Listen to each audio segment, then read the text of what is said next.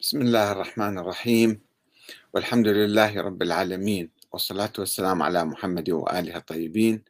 ثم السلام عليكم أيها الأخوة الكرام ورحمة الله وبركاته.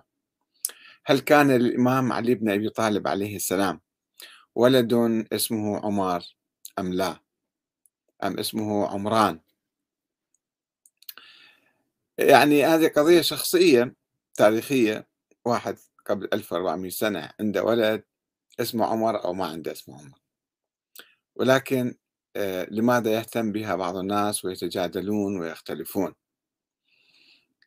آه، هناك مقام آه، ربما يكون رمزي يعني لا ليس مقاما حقيقيا يعني لا يوجد فيه قبر في الطريق بين الحلة بابل يعني والديوانية.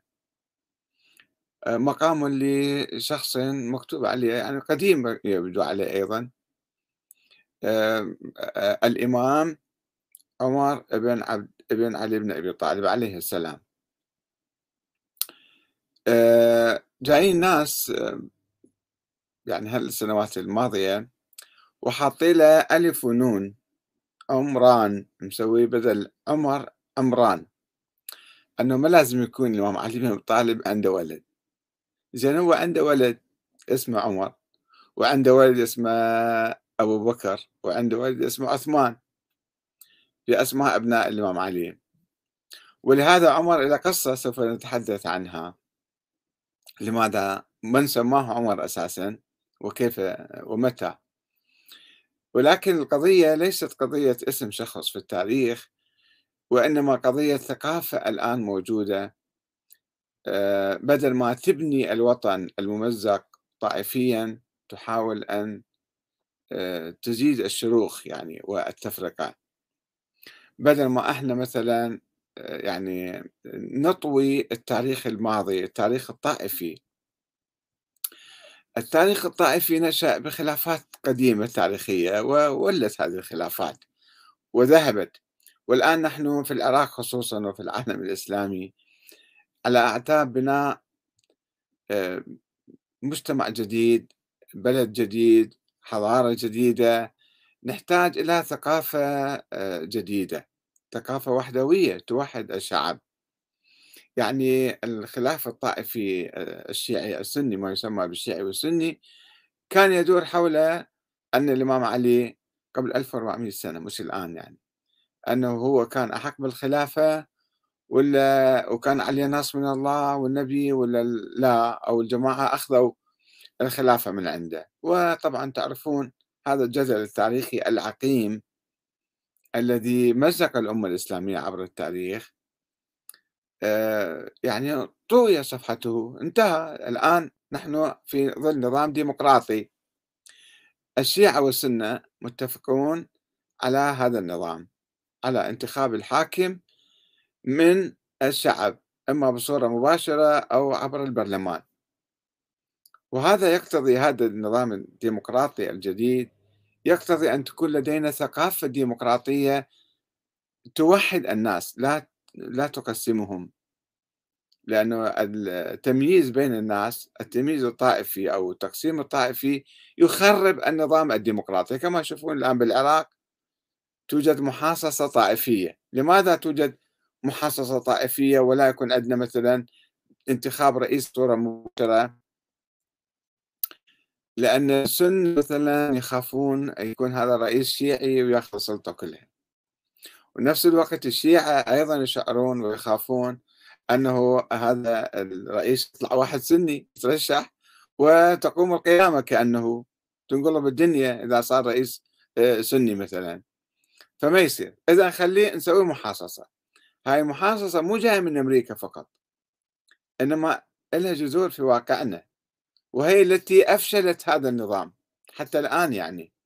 ونأمل أن تكون هناك ثورة ثقافية حتى نستطيع توحيد الشعب حتى نبني نظاما سياسيا قويا ويكون الرئيس منتخب مباشرة من الشعب ويكون قوي حتى يستطيع أن ينفذ برامجه التي يعد بها الشعب. وإلا نبقى إحنا هذه حصتك وهي حصتي هاي حصتك وهي حصتي. وما نخلص من هالمشكلة هذه. لذلك أنا أبحث هذا الموضوع لأنه هو موضوع بسيط يعني تافه. أصلا هذا المقام اللي يذكر بين الحلة وبين الديوانية أصلا مو معلوم صحيح. وتعرفون كثير من المقامات شريفة بنت الحسن وغيرها وغيرها ما لهم وجود أصلا.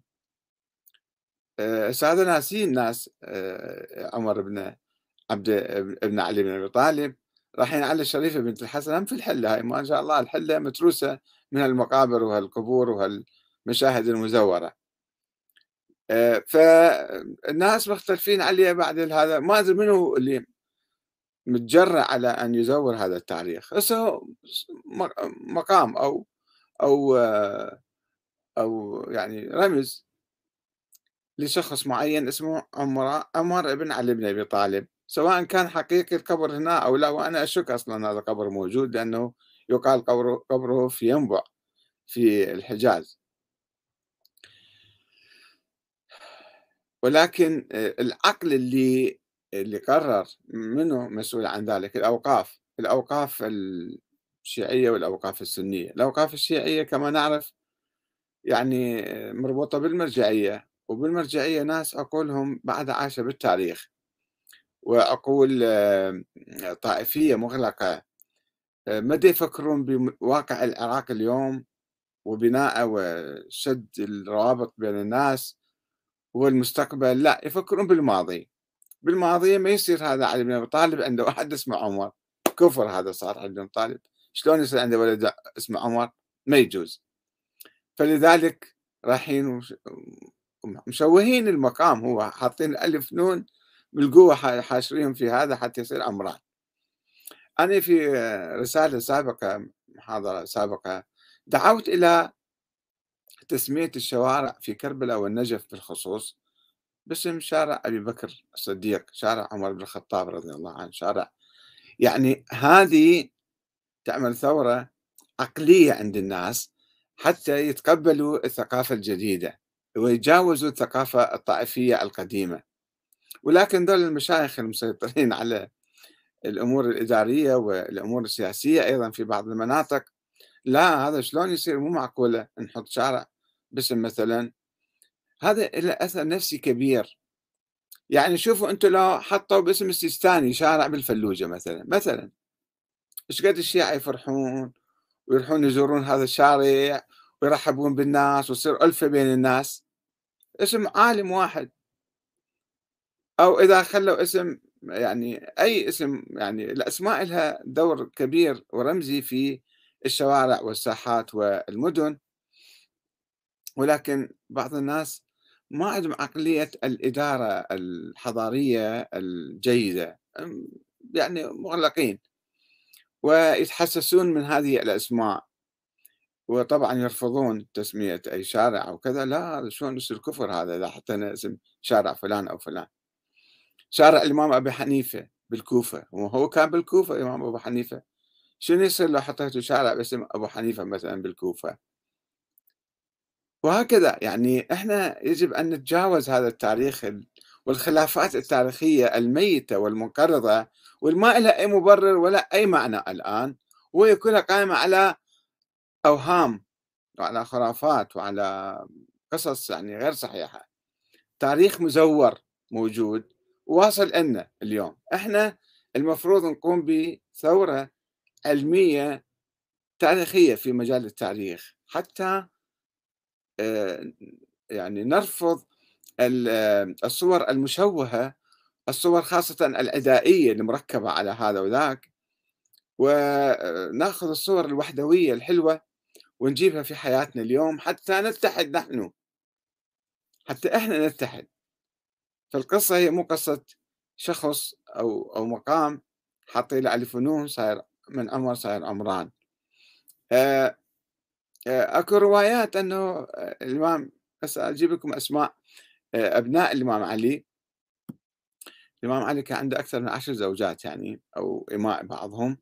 وبالإضافة للإمام الحسن والحسين وزينب وأم كلثوم وبعدين العباس. وكما تعرفون العباس كان عنده أربعة أخوة وعنده عمر. عمر أمه الصهباء بنت آه، عباد بن تغلب تغلبية من قبيلة تغلب يعني. آه، هسه أقرأ لكم تاريخه وانه كان هذا معروف عند عند الشيعة وعند مشايخ حتى مشايخ الشيعة الاثنى عشرية في القرن الرابع الهجري في كتبهم يذكرون أولاد الإمام علي ويذكرون عمر سواء الشيخ الصدوق محمد بن علي بن بابويه الصدوق أو الشيخ المفيد مؤسس المذهب الاثني عشري أيضا يذكرون ويروون عنا روايات. آه، عمر بن علي يلقب بأبو القاسم أمه الصهباء التغلبية ولد ويسمى أيضا عمر الأطرف.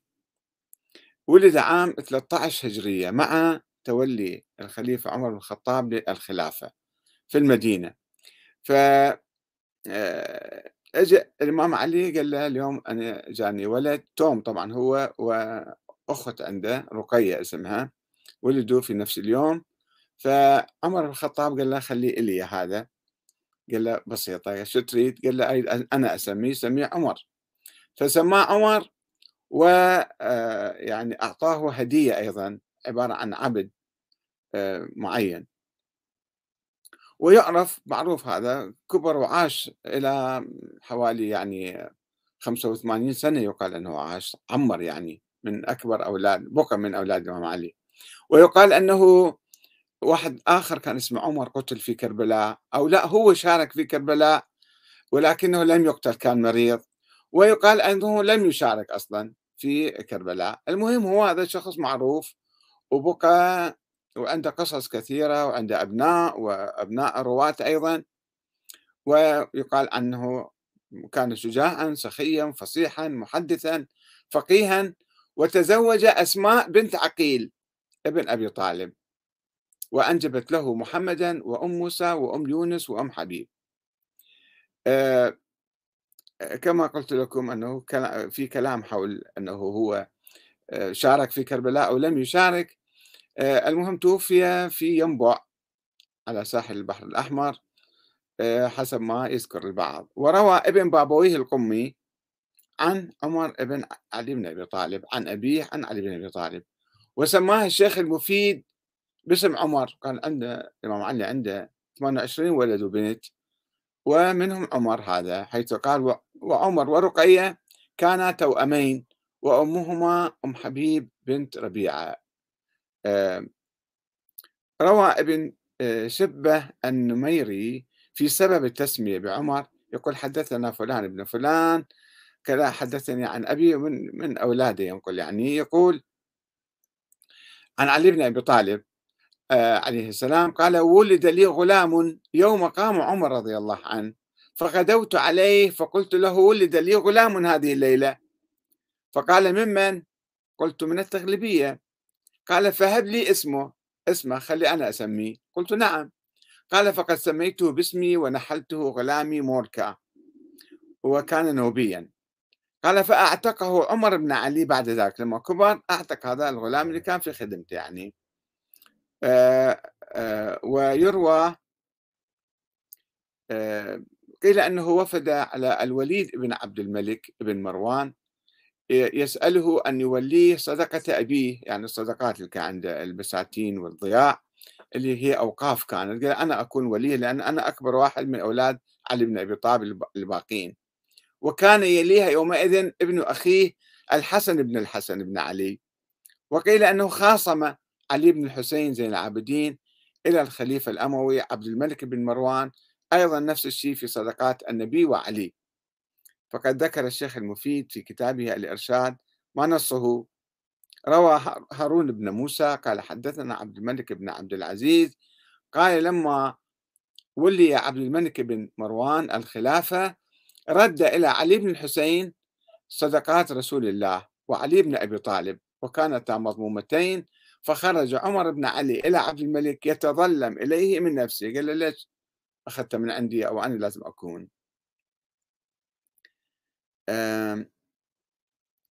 وهو وقد وورد أيضا أنه بايع هذا عمر بايع عبد الله بن الزبير ومن ثم بايع الحجاج اللي احتل الكعبة وعبد الملك ابن مروان. آه، ولم يحضر في كربلاء وتوفي سنة 88 للهجرة. على ما ذكر البعض في آه، في ينبع فالقصة بالحقيقة يعني مؤشر هذا يعني تحريف هذا الاسم من قبل الأوقاف الشيعية. يجب أن تعود وترفع هذا التزوير والتشويه وبالعكس تتبع سياسة جديدة سياسة لا طائفة لا طائفية سياسة وحدوية من أجل توحيد الشعب العراقي. نحن الآن آه، على أعتاب بناء العراق من جديد. العراق إحنا ورثناه مهشم من عهود الدكتاتورية والاستعمار والاحتلال وما شابه. نحتاج إلى توحيد الشعب وتحريره من الخلافات الطائفية واتباع سياسة جديدة سياسة منفتحة على آه، سائر المسلمين. وسائر الطوائف وعدم التعصب الأعمى إلى درجة أن ننكر التاريخ ونزور التاريخ. لأنه في قصص كثيرة محاولات كثيرة حدثت بالتاريخ لتشويهه وكتابته حسب ثقافة ذلك العصر. نحن الآن في عصر جديد بحاجة إلى أن نتجاوز كل تلك الخلافات ونبني ثقافة جديدة. والسلام عليكم ورحمة الله وبركاته.